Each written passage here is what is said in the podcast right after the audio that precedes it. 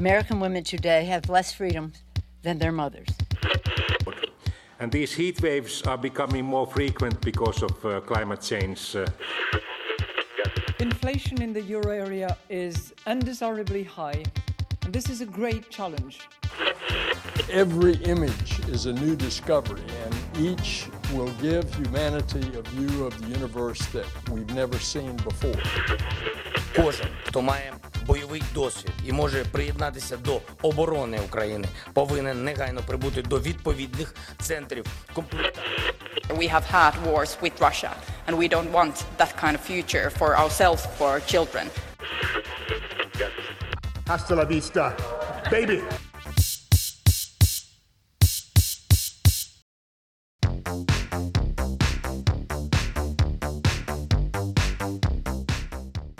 Þú ert að hlusta á heimskuður. Þáttinu um allt sem gerist ekki á Íslandi. Ég heiti Birta Björnsdóttir. Og ég heiti Bjarni Pétur Jónsson. Ekki ómarkari staðir en Hollywood og geimurinn eru áfangastæðir okkar í þættinum í dag. Já, í síðan hluta þáttarins allar Sunna Valgerðardóttir að fjalla um bandaríska leikaran Kevin Spacey. Og það er vist engin lofræða. Spacey er eitt þeirra þó nokkru Hollywood mógúla sem hafa verið settir út af sakramentinu eftir ásaganir um áreitni og óbeldi. Nánum það í síðar hluta þáttarins en við skulum byrja í aðeins meiri fjarlægð.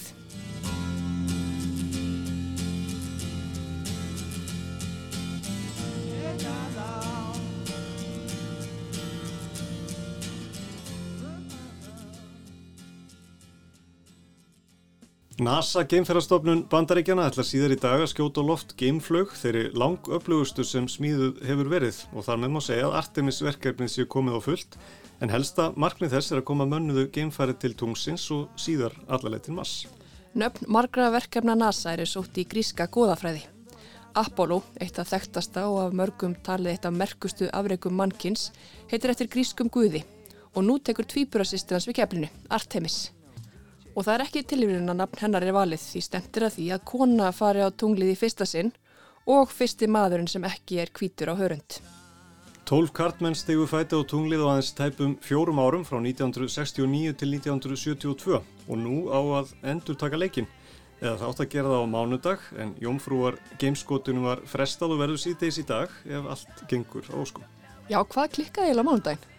Sko það er daldi flókið eins og gamevísindin öll Flögin er næstu því 100 metra laung full af fljótandi vettni og súrefni. Og þetta er bæði semst, til að knýjana og kæla sprengjuflögarnar og það varð semst, leki einna fjórum vélunum sem að knýr flögina á því var bara ekki hægt eða ekki hægtandi á að halda áfram. Þannig er þetta ótrúleg sprengja þetta og svo er það veðrið, þetta er rétt slapp á mánudaginn en það þurfa að vera nánast sko, fullkomnar veðurastæður til að þetta geti gengið upp. Og Þannig að þetta verður spennandi núna setnipartin. En þetta er bæðið sko gríðarlega kostnæðasamt og umfangsmikið og mikið í vesen. Af hverju verða að fara aftur til tungsins? Erum við ekki búin að tjekka þetta bóks? Já, það er eiginlega það sem er svo áhugverðt við þetta. Hvers vegna núna? Núna hlaupa bandaríkinn til að því að rússar, sérstaklega kínverjar, eru komnir langt, langt fram úr þeim í geimrásóknum.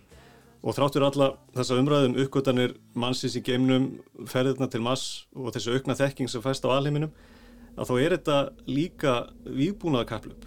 Einna mikilvægastu hergögn dagsins í dag þau eru út í geimnum og það er mjög mikið undir fyrir stórveldin að verða fyrst í mark í kaplöpinu. Þetta verður spennandi. Skellum okkur út í geim. Það er næstum hálfu öll síðan maður steg fæti á tunglið. Leiðangri Apollo 17. laug 19. desember 1972 og síðastur til að stígu upp í geimfarið þann dag var Gene Carnan eftir að hafa dvalið næstum þrjá sólarhinga við rannsóknir á tunglinu. Þetta er ótrúlega langt hlið með að við alla þá fjármunni og framlag sem farið hefur í geim og tunglrannsóknir síðan. En það þarf margt að koma til, ekki síst fjármunir og áhugi almennings á að fjármagna ferðirnar og svo eitt það mikilvægasta, samkynn. Uh, find the hammer and sickle flag standing up on one of the peaks of the moon. We want it to be the Star Spangled Banner. Game Cup-hlaupið náði liklega hámarki á kaldastriðstímanum þegar Bandaríkin og Sovjetríkin keftust um að ná yfirhöndinni og koma mönnuðu geimfarið til tungsins. Sovjíski geimfærin Júri Gagarin var sá fyrsti sem fór út í geim og bandaríkjumenn óttuðust tæknilega yfirburðir sovjetmanna. Næðu þeirra tilenga sér þá tækni sem þyrti til og fengist með því að rannsaka alheiminn og reyna teknibúnaðin við þessar erfiðu aðstæður. Þá óttuðust bandarækjumenn einnig að sovjetmenn myndu nýta geimferðnar og þá gerfinhetti sem komið yrði upp í hernaðarlegum tilgangi. John F. Kennedy fósetti bandaríkjana flutti eina bestu ræðu stuttrar fósettatíðar sinnar um þetta leiti ás 1962. Hann stóði sumarhittanum við Rice háskólan í Houston í Texas á fótboltavelli með um 35.000 áhörundur í stúkunni og freistaði þess að sannfæra viðstata og þjóðina alla um að tungferðir væru framtíðin og þar eins og annar staðar er því bandariska þjóðin að leggja mikið á sig í saminningu til að sigrast á óvinnunum og verða á undan sovjetmönnum að komast til tungsins. We choose to go to the moon in this decade and do the other things not because they are easy but because they are hard. Þá eins og nú voru tunglferðir dýrar og könnunarferðir um alheiminn nokkur neginn það dýrasta sem hægt var að hugsa sér. Kennedy og stjórn hans mókaði fjármunum í geimuransóknir og hafði skuldbundið sig til að leggja NASA til 25 miljardar bandrækjadala sem færi vel yfir 100 miljardar dala á virði dagsins í dag. Framlög til NASA voru næri 5% af þjóðar útgjöldum árið 1966 og Kennedy kunnið að fá fólkið í liðmissir. At $5,400,000,000 a year. A staggering sum, though somewhat less than we pay for cigarettes and cigars every year. Þarna voru reykingar mun algengar en nú en þó farða að ræða skaðsimi þeirra af alvöru og þetta tengdu margir við. Það var ekki svo dýrt að ráðast í þetta verkefni sem yrði eitt helsta afreg mannkins. Saman væri jafnvel hægt að verða undan sovjetmönnum að komast til tungsins og kanna víðerni alheimsins. Keppinauturinn var því klár strax frá upphafi því þarna stóð kalda stríðið sem hæst Kjarnorku vofði yfir og mikilvægt að tap ekki fórskotinu sem fælist í því að koma út í geiminn teknibúnaði sem gæti nýst í hernaði. We have vowed that we shall not see space filled with weapons of mass destruction and only if the United States occupies a position of preeminence can we help decide whether this new ocean will be a sea of peace Kennedy undirstrykkaði mikilvægi þess að bandaríkin erðu í fórustu og gjöruðingar vopnum annara ríkja er ekki komið fyrir í geimnum. Og það mikilvægasta, bandarískur almenningur og bæði republikanar og demokrater voru tilbúinir til að verja miklum fjármunum til að láta þessa drauma rætast. Svo leið tíminn, fósettar komu og fósettar fóru en bandaríkin og mörg önnur ríki hafa frá því í byrjun 7. áratugurins komið fjölda gerfinnatta á spórbögum jörðu. Talið er að þessi nokkur þúsund og mörg hundru þeirra nýttir í hernaðalegum tilgangi. Bandaríkin eiga langt flesta en þar á eftir rússar og kínverjar. Minna fyrir fyrir þessu kapplaupi en öðrum í þessa átt en þessir gerfinnettir eru nýttir til ímissa hluta, meðal annars til að fylgjast með veðurfari og jarðhræringum og til að aðstóða við björgun bæði á sjó og landi. En fjöldið þeirra er einning nýttur í hernaði. Þeir hafa gert bandaríkja herr kleift að skjóta flugskeitum frá drónum af mikilli nákvæmni, til dæmis einhver staðar í miðausturlöndum og öllu stýrt úr tölvum einhver staðar úr kjallara í mörg þúsund kílometra fjallaði í miðríkjum bandaríkjana. Tugir ríkja ráða yfir tæknibúnaði sem gerir þetta kleift en talið er að þúsundir gerfinhattar séu á spórbögum jörðu og mörg hundru þeirra nýttir í hernaði. Bandaríkin eru með á bilinu 150 til 200 en rússar og kínverjar tæplu 100. Það er því tölverð trafík í okkar næsta nákrenni og margir hafa líst áhyggjum af áregstrum og afleðingum þeirra nú eða af því að það komi til einhvers konar átaka í geiminu.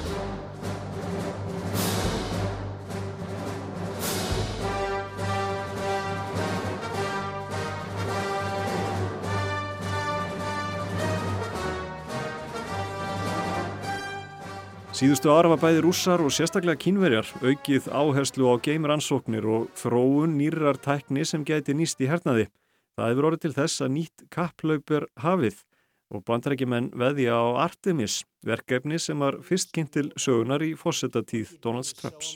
Remember, economically, militarily, scientifically, in every way No like Þetta var sumarið 2018. Þá kynnti Trump nýja sókn í geimrannsóknum en þessi miklu tíðindi fjallu í skuggan af Game Hair sem Trump ætlaði að koma á fót. Þetta olli miklu upplöpi hjá anstæðingum hans sem furðuði sig á því hvert fósettin væri einlega að fara. En markmiðið var að styrkja og ebla geimrannsóknir til að missa ekki af lestinni og þar með fekk Artemis byrundir báðavangi. When it comes to defending America, it is not enough to merely have an American presence in space.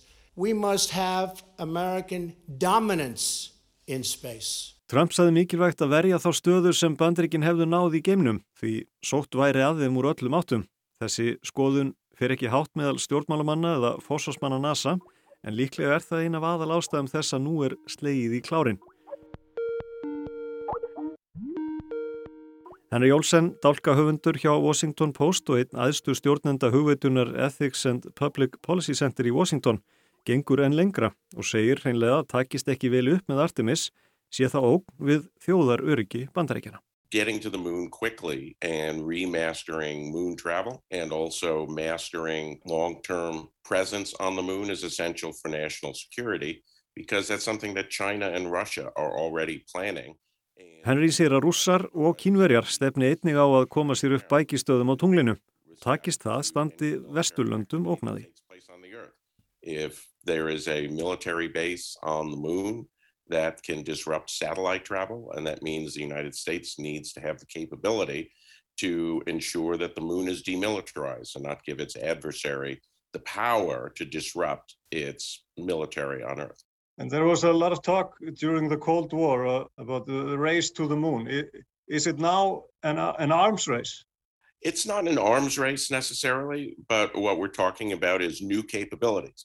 Now they're talking about being able to have manned moon stations. And if you have manned moon stations, that means that you also have the capability to have uh, a standing weapons program. So, uh, unless we want to trust the word of the Chinese and Russian leaders, the West and the United States needs to have the capability to ensure that they can't militarize the moon secretly. Henry segir að það sé ekki endilega hægt að kalla þetta výbúnaðar kapplaup en bækistöðvar á tunglinu geti nýst í hernaðalegum tilgangi og ef Vesturlönd treysti ekki lofvörðum kínveri á rúsa um herlust tungl þá þurfið þau að taka þátt í kapplaupinu og allra helst verða undan. Kínverjar hafa þegar lemt ómönnuðu fari á fjærlið tunglsins sem batterikimenn hafa aldrei gert. Þeir séu komni lengra en rúsar og því helsti keppinautur. Uh, landed a unmanned probe on the dark side of the moon in the last few years, the first Earth power to land on the dark side. The United States always landed on the light side of the moon. So uh, that indicates that the Chinese are the technological leader, and while they can benefit from cooperation with Russia, it's the Chinese, not the Russians, who are the primary adversary.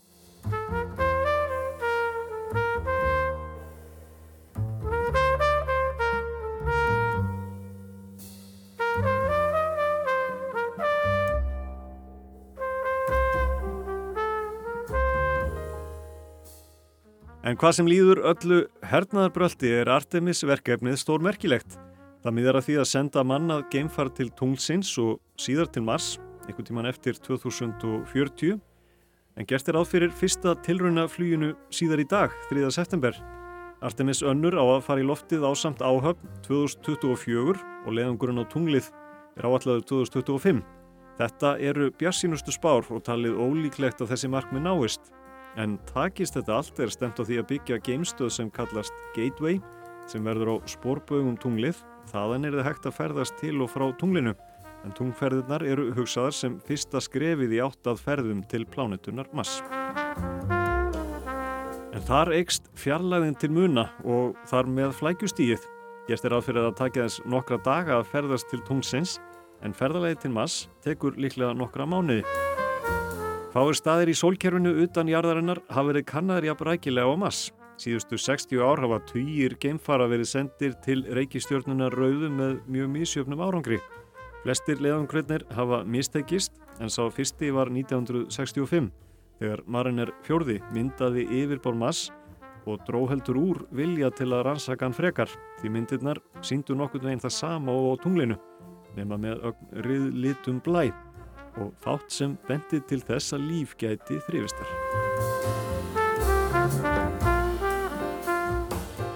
En áhugin jógst og núna eru nokkur geimför á brautum Mars, auk geimjeppana Curiosity og Perseverance og kínveska jeppans Zhurong sem kanna yfirborðið.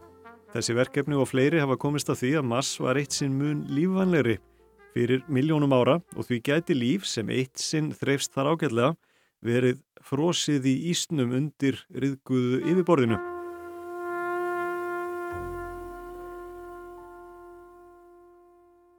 Artemis fyrsta áttið að taka á loft á mánudag en fluttækinu var frestað vegna vélabilunar. Það var mikil spenna og týjir eða hundru þúsundu ætluð að fylgjast með þegar flögin færi á loft frá Kennedy geimferðarmiðstöðinni á Canaveral höfða á Florida. Ekkert varða fluttækinu en markmiði var að prófa flögina og geimfarið sem hún ber, Orion, en það verður líklega notað í fyrstu tunglendinguna. Og þar er margt sem getur farið úrskeiðis fljúa á að tunglinu og tilbaka en Orion snýr tilbaka inn í andurumsloft jarðar á 32 földum hljóðhraða um 4000 km hraða og þarf að þóla hitastig sem er um helmingur hitans á yfirborði sólarinnar. 6, 5, 4, 3, 2, 1, 0, lift off, we have a lift off. Það þarf því margt að ganga upp þegar Artemis fyrstu verður skotuð loft síðdeis ef allt gengur óskum. Stemt er að því að leiðangurinn taki um 40 daga og ljúki með mjúkri lendingu í Kirrahafi um miðan oktober. Þar verða aðeins gínur um borð en Artemis önnur á að flytja tvo geimfara næri tunglinu eftir tvö ár og Artemis þriðja fer svo til tungsins ári eftir. Ástæðan fyrir því að svo langt líður milli geimskota er kostnaður. Hvert geimskot kostar rúma fjóra miljardar bandrækjadala og því þarf að vanda vel til verka og NASA má alls ekki við mistökum. Á sjönda áratögnum fekk stofnuninn um 5% af þjóðar útgjöldum pandaríkjana. Nú er það aðeins um hálf prósent og aðeins hluti þess eirnamertur Artemis-verkefninu. Það er því mikið undir ef mistök verða. Og vonbriðin leindu sér ekki þegar tilrauna skot mánudagsins mistókst. Bill Nelson, fórstjóri NASA, er mjög bjart síðan á að Artemis skili árangri en það þurfi að fara valega. We don't launch until it's right and you don't want to light the candle until it's ready to go. Og það er ekki nema vona fórstjórun vilji tryggja að allt fari vel því mistökin geta verið dýrkjöft þó ekkert manntjónverði í það minnsta fyrstum sinn. En vandamálið á að vera tiltörulega einfalt að leysa og líklegast að gameskot dagsins hefnist vel en það er ekkert einfalt þegar kemur að gemisinn. They're gonna work it, they'll get to the bottom of it, they'll get it fixed and then we'll fly.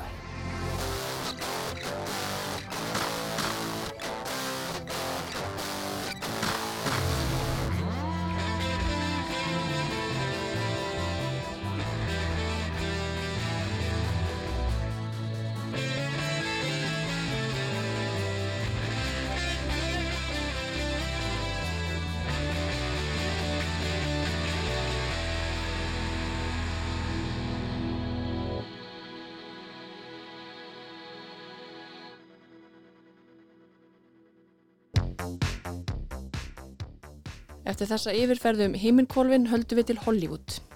Þeir hafa all nokkrir fallið af stallinum í Hollywood eftir MeToo-byltinguna þar. Harvey Weinstein, R. Kelly, Michael Jackson, Bill Cosby, Roman Polanski, Woody Allen, Brian Singer, Luke Besson, Malin Mansson, svo einhver nöpsi og nefnd voru allir ofinberaðir sem kynferðisbrotamenn og nýðingar eftir að hafa fengið að áreita hina og þessa ítrekkaði ára raðir. Sumir eru í fangelsi, aðrir mistu bara vinnuna og æruna og auðvitað er þessi listi ekki tæmandi. Þarna vantar til dæmis eitt stort nafn, Kevin Spacey. Mál hans hefur verið kallað eitt stærsta og dramatískasta fallið í Hollywood. Einn skærasta og virtasta stjarnar bandarækjana er nú svo eitraður að hann getur hverki verið. Engin vil vinna með honum og engin trúir honum. Týjir hafa stíðið fram og sakað Spacey um áreitni og ofbeldi í gegnum tíðina. Þrjú hafa fallið frá áður en til málaferðla kom. Honum hefur verið gert að greiða óheirilega háar fjárhæðir í bætur til Netflix vegna House of Cards og þetta virðist hvergin er hægt. Málinn halda bara áfram að koma. Sunna Valgerðardóttir sló á þráðin vestur um hafa og tók púlsinn á Hollywood með digri aðstóð drafnar Aspar Snoradóttur Rósas, leikmynda hönnuðar, framleganda og Hollywood fréttaréttara sem þekkir mál Spacey út og inn.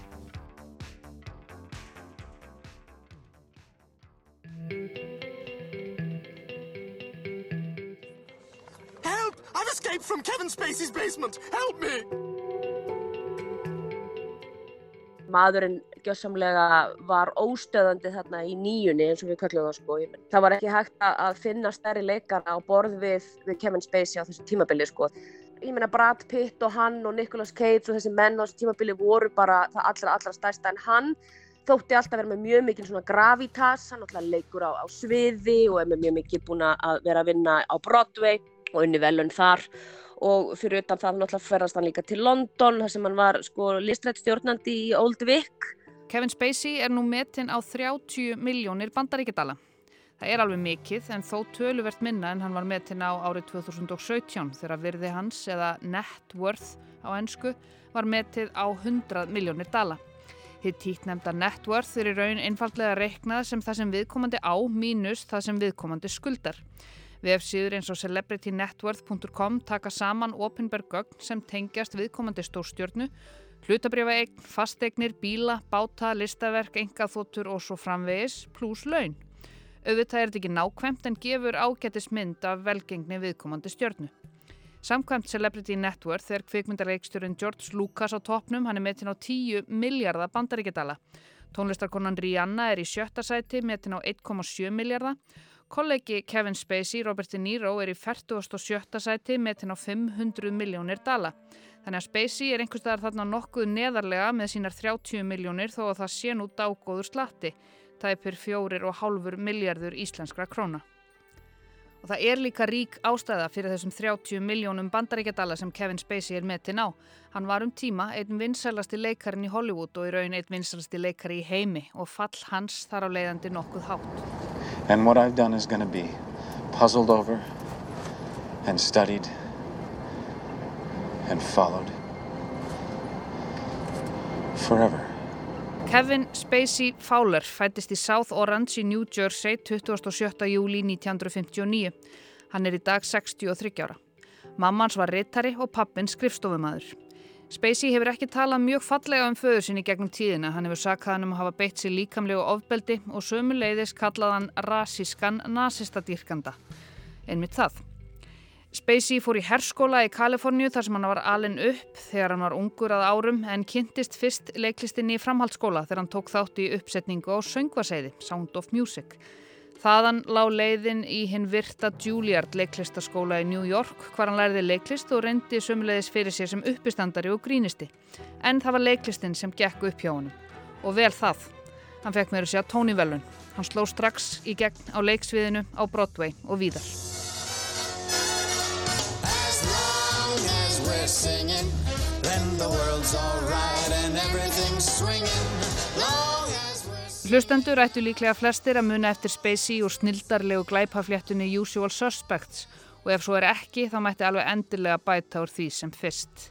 Spacey leik þar halda servitringin Verbal Kint sem gati ekki hægt að tala.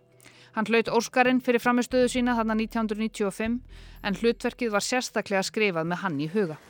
Well, whoever Kaiser Soze is, I can tell you he's going to get gloriously drunk tonight. 95 var stórt ár fyrir Spacey því hann landaði líka leiki hlutverki í sálfræði trillinum Seven. Kevin Spacey var þarna orðin vörumerki, ólíkur öllum öðrum leikurum í bransanum. I won't deny my own personal desire to turn each sin against the sinner. Á eftir Seven komu stórmyndir á borðið að Time to Kill, Midnight in the Garden of Good and Evil, LA Confidential, A Bug's Life og Óskarsvelunamyndin American Beauty. Það fikk líka annan Óskar fyrir það og stjörnu á Hollywood Walk of Fame. Það var árið 1999. Kevin Spacey held áfram að raka en velunum og viðurkenningum bæði fyrir leik á sviði og í bíómyndum. Samkvæmt VF-síðunni Internet Movie Database, EMDB, hefur hann unnið 59 velun á ferlinum og verið tilnemdur 91 sinni. Þetta er dágóður slatti.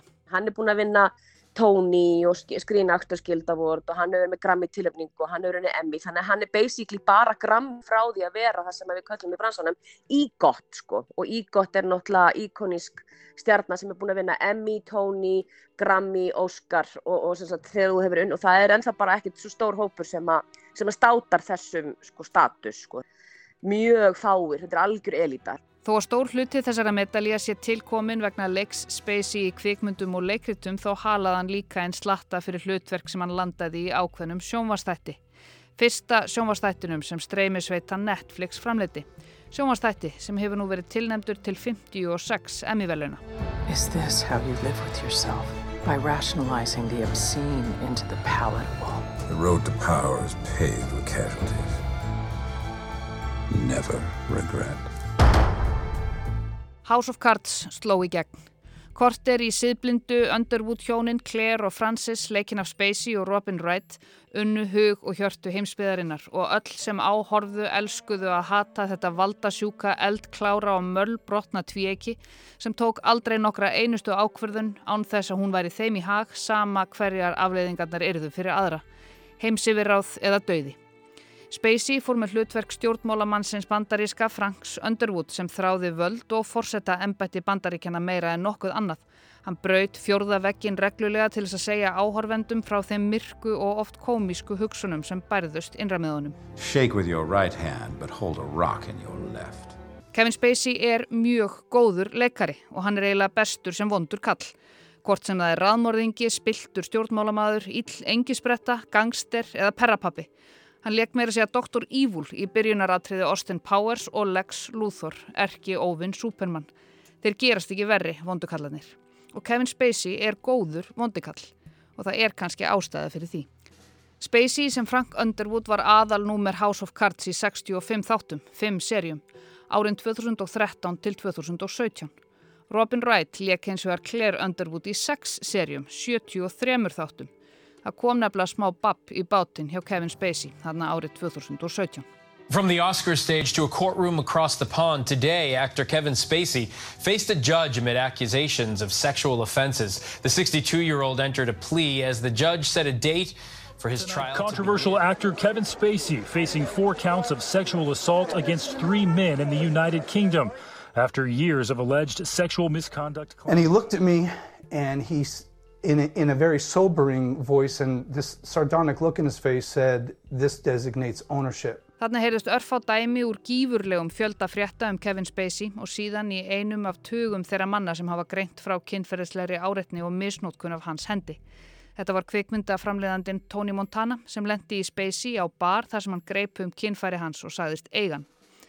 Það var fyrst árið 2017 fyrir fimm árum síðan sem Kevin Spacey var opimberlega sakaður um kynferðisbrot eða á þann hátt að tekið var eftir að minnstakosti. Hann hafði brotið gegn 14 ára strák árið 1986. Leikarinn gaf út yfirlýsingu þar sem hann kendi áfengisvanda sínum um, axlaði ekki ábyrð og ætlaði bara að halda áfram með lífið. En þarna var búið að opna flóðgátt og ásakanirnar og sögurnar komu á færibandi. Það var leikarin Anthony Rapp sem steg þarna fram og saði frá því þegar Spacey nýttist kynferðislega á honum þegar hann var barn. Rapp hefur leikið í Ímsu en nýlegasta hlutverkan sem líklega í Star Trek Discovery. Hann kemur af Broadway eins og Spacey og slóð þar í gegn sem barn. Þeir eru þarna í einhverju partíi, held ég heima, heima hjá Kevin Spacey 1986. Kevin er þá 27 ára verða, verða 28 en Rapp er bara 14 ára, lítið spáns sko. Rapp hefur líst því í viðtölum hvernig Spacey króaði hann af inn í Svörnherbergi, tók hann í eins konar bóndabegi og reynda að fá hann með sér í rúmið. Rapp var þarna 14 ára og leit út fyrir að vera enn yngri að hann sögn. Hann byrði þetta inni í 30 ár en þegar MeToo-bylgjan reyði yfir Hollywood steg Rapp fram. Í miðjum endur nýjuðum fræðarstormi Spaceys vegna House of Cards og Rapp var svo sannilega ekki sá eini sem Spacey hafi brotið á í gegnum tíðina. Af því að þegar hann byrjar á þessu, hann rappa í oktober 2017, þá allt innu bara hrinja inn fleiri, fleiri, fleiri sögur um að hafa verið kynferðislega áreittur eða jafnvel hafa verið sko, hann hafi ráðist af fólk. Í bandaríkunum hafa um 20 mann stíðið fram og saka Spacey ofinberlega um áreitni eða ofbeldi. Sum hafa farið alla leið fyrir domstóla, önnur hafa dreyið málsín tilbaka af óta við kastljósið. Mikið af ofbeldinu er sagt hafa átt sér stað þegar menninni voru ungir alveg niður í 14 ára og síðan hafa aðrir 20 kvartað undan Kevin Spacey eftir störf hans í Old Vic í London. Síðan fer þetta náttúrulega bara allt í skrúuna hjá honum og eftir það hefur þetta bara verið svolítið þraut að ganga fyrir, fyrir Kevin Spacey og, og eðlilega. Spacey reyndi að veikum mætti að ná stjórn á umræðinu í tengslum við frásögn Raps. Hann sendi frá sér yfirlýsingu þar sem hann sagðist alltaf hafa dáðstæða leikaranum unga en einungis að það hæfileikum hans. Hann sagðist ekki muna eftir að hafa áreittan það væri svo langt síðan, hann hafi verið fullur, hann baðast afsökunar. og svo kom hann út úr skápnum í leðinni sem fjall í mjög grítan jarðveg hjá hinsegin samfélaginu í Hollywood og hann var meðal annars sakaður um að skíla sér á bakvið regnbúan. Samkynniða samfélagi hefur nú vita svona lengi lengi að hann sé hommi en hann er aldrei viljað koma út úr skápnum en hann nýtti tækifærið og kom út úr skápnum í miðjunu af allir þessu, þessu, þessu brimróti sem hann stendur í fólk fannst hann vera að reyna bara að hjálpa náttúrulega bara fordóma fulli fólki að, að setja vatn á millu þess fólk sem að væri eitthvað bein lína á milli þess að vera beinlinni svona pedofíl og, og vera samkynneðu sem að reyti bara mjög marga til reyði en að ferina enn. Á sama tíma og þetta var allt saman í gangi var tökum lokið á stórmynd Ridley Scott, All the Money in the World, þar sem Spacey leik J. Paul Getty. Scott tók þá fordæmalösu ákverðun að taka senurnar upp aftur, klippa Spacey úr myndinni og ráða stórleikaran Christopher Plummer sem getti. Það er aldrei búið að henda þér út með baðvatninu þegar þú kvikmyndir tilbúin að klippa allt sem þú snertir í henni gjörsamlega út sko, og bara endur klippa myndinu upp á nýtt. En hvað gerði Netflix? Jú, Frank Underwood, hataðasti og dáðasti stjórnmálamaður sjónvarpskjásins var skrifaður út úr þáttunum. Hann var drepinn. Þeir kliftu síðustu seríuna úr 13 þáttum niður í 8 og nú standa yfir önnur málaferli þar sem MRC, framlegslu fyrirtækið sem framleiðir House of Cards fyrir Netflix, krefur Spacey um 31 miljón bandaríkjadala í skadabætur vegna brótahans. Bæði braut hann ákvæði í launasamningnum um að haga sér eins og manneskja, eins og dröfn orðaða, og að kynferðis árita ekki starfsfólk í kringum sig. Þeir virðast hafa náð að vinna það mál út af því að hann verist hafa brotið þarna kynferðisbrota reglurna samkvæmt vinnusamningi. En mér skilst líka að þeir hlutur af þessum 31 miljón dólara hérna, skadabótums eigi að renna til þess að það sé jafnvel umræða, ég veit ekki eftir staðfest um að klippa eins mikið af honum út úr þessari sériu og hægt er. En ég veit nú ekki hvernig það fer með fyrstu þættina því að hann nú aldeilis 90% í hverja mennasta þætti í hverja einstu sériu en mér skilst að sé kannski bara í þessari síðustu sériu sem að en þá er svona halv lömuð út af þessu allir saman sko. Á þessum tímapunkti fór fólk að skera all hressilega á bönd sín við Spacey. Blaðafylltrun hans er búin að yfirgefa og CIA sem er risastór Uh, umbóðsmannskristofa hérna út eins og stærsta droppaði honum náttúrulega bara eins og heitri karteblu hérna eins og heldur var í veifa hérna fyrir einhverju síðan. En það heldur áfram, þetta er ekki búið það því að hann flytur hérna til Englands hann, hann kemur spesi, hann er búin að búa þar í, í held í tíu ár frá 2000 og eitthvað og vill endilega flytja þá og gáð fekk með þessi einhvern rittarakross frá breytadrottningu fyrir, fyrir þjónustu í, í uh, leiklist og, og sviðslist og hérna sem hann hefur ekki verið beðin um að skila en þá held ég en en hann, uh, það er ekki betri sögur án þar. Þar eru komni núna fjögur uh, kynfyrirsbrota mál í Breitlandi sem að hann mætti fyrir dómi þar núna bara held í ágúst líka. Það sem hann þurfti að, að hérna, setja undir þessum nýjum ásökunum frá starfsfólki í leikritum og því sem hann hefur verið að setja upp þarna í Englandi. Þannig að maðurinn virðist greinilega vera óferjandi skrýmsli ef bara því, það held að síkt að það segja neitt annað því að þetta er ekki og sé einhver einstæmi eða einhver miskilningur eða, eða einhvers konar eftirsjáum að hann sagði og hann sagði og hún sagði og hitt. I know what you want. Oh sure, they may have tried to separate us but what we have is too strong, it's too powerful Á aðfangadagskvöld árið 2018 komu heldur óvænt og undarleg skilaboð úr herbúðum Spaceys. Það voru nokkrir mánuðir liðnir frá því að Rapp steg fyrst fram. Myndband byrtist allt í einu á YouTube rás leikarans þar sem hans talar við myndavélina sem Frank Underwood, klættur í jólasvöndu að að þér veriðist ganga frá eftir jólamatinn. Þar ávarpar Spacey ásakanirnar sem hafa verið settar fram á hendur honum og neytar þeim staðfastlega sem Frank Underwood eitt læfisasti og svikulasti stjórnmálamaður kvikmyndasögunar.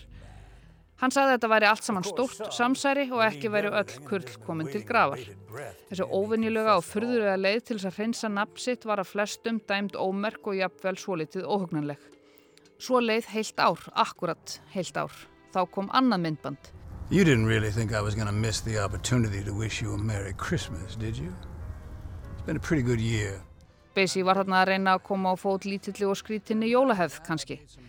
Þar satt hann við snarkandi arineldi í jólapeisu sem Frank Underwood og talaði við áhorvendur á nýjan legg. Þriðja myndbandið kom svo aðfangadagskvöld árið 2020 þar sem hann var ekki í hlutverki Underwood heldur einungis hann sjálfur. Þar færir hann áhorvendum sínum hugreistandi hugvekju og reynir að stappa í þau stálinu sem hafa átt erfitt. And so I just want to wish everyone a Merry Christmas, a great 2021, and say to all those out there who might be suffering, it gets better.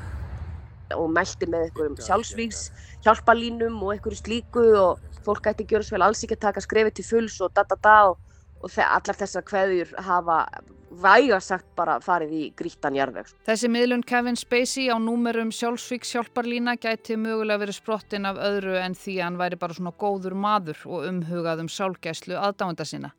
Í desember 2019 bárust fregnir af því að þrjár manneskur, tveir karlar og einn kona hefðu látist á árinu og þau áttu það sameinlegt að hafa sakað Kevin Spacey um kynferðislega áreitni á einhverjum tímapunkti. Linda Culkin, John Doe og Ari Ben, þrýr af þeim sem eru í kringum Kevin Spacey. Ari Ben, norskur reytöfundur og leikskáld og eiginmaður norsku prinsessunar Mörtu Louise sakaði Spacey árið 2017 um að hafa káfað á kynfærum sínum í Nobelsveluna eftirpartíi tíu árum fyrr.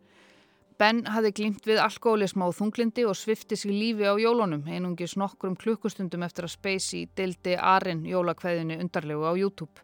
Annað andlát var tilkynnt þegar ónemdur nuttari sem hafði sakað Spacey um að hafa brotið á sér dó skindilega í september, einungis einum mánuði áður en að nátt að mæta í réttarsal vegna málaferðla gegn leikaranum. Svo var það hjókrunafræðingurinn Linda Kölkin sem hafði sakað Spacey um kynferðisbrot gegn ungum mönnum, meðal annars skjólstæðingi hennar. Kölkin varð fyrir bíl og ljast.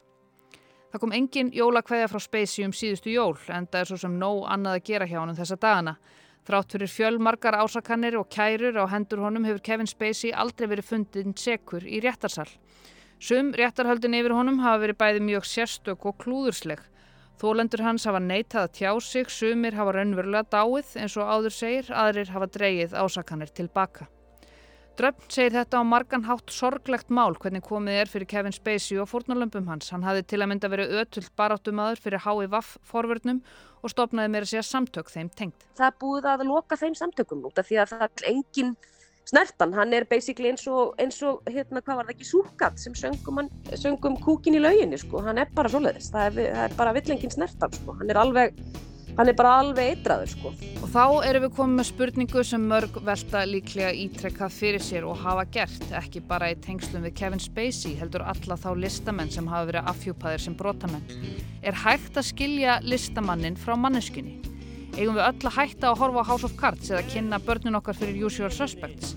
Kanski er hið síðanemda hvort þið er ekkert svo góð hugmynd en hvað um það? Á að taka þennan fyrfirandi gulldreng algjörlega út af sakramentinu eða meigu við njóta hæfileika þeirra sem hafa gert ógíslega hluti. Og svo má heldur ekki gleyma því að Kevin Spacey stendur ekki einn á bakvið þau fjölmörgu listaverk sem hann hefur tekið þátt í að skapa. Auðvitað meigu við njóta þeirra þó við getum kannski ekki gert það á sama hátt og áður. Við horfum öðruvísi á þessa menn núna, við hlustum öðruvísi á þá.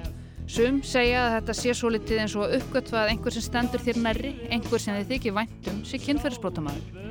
Listafólk fylgir okkur margt í gegnum lífið með verkum sínum og hæfileikum, við setjum þau á stall og auðvitað verður það erfitt þegar það er ekki hægt lengur. En tímatnir eru að breytast og vonandi þurfum við ekki að velta þessu fyrir okkur í marga áratugi til viðbótar. Dröfn segir til að mynda að mikið hafi breyst í Hollywood síðan að MeToo-bylgjan skalla á þar í kringum 2017. Ég vinn í Hollywood sjálf og, og ég finn fyrir mjög mikill breytingu í, í öllum vinnukúltúr hérna sem er tekin mjög alvarlega. Ég fæ ekki vinna, ég má ekki vinna ef ég er ekki búin að fara í, í svona kynferðis áreitnis uh, vinnu námskeið sem að ég þarf að klára og, og er bara tekin mjög alvarlega og það er allt önnur stemning í, í, í borginni sko. Ég maður meiri sér að, að það var ekkert endilega rými fyrir svoleiðis fyrir 13 ára síðan þegar ég byrjaði hérna sko. Ég meina við sjáum bara Harvey Weinstein og, og fleiri fleiri hérna fleiri, fleiri yfirmenn sem eru hérna bara fallið valin hérna af eigin, eigin hefn sko. og bara sem betur fer, komum tími til. The greatest trick the devil ever pulled was convincing the world he didn't exist. And like that, he's gone.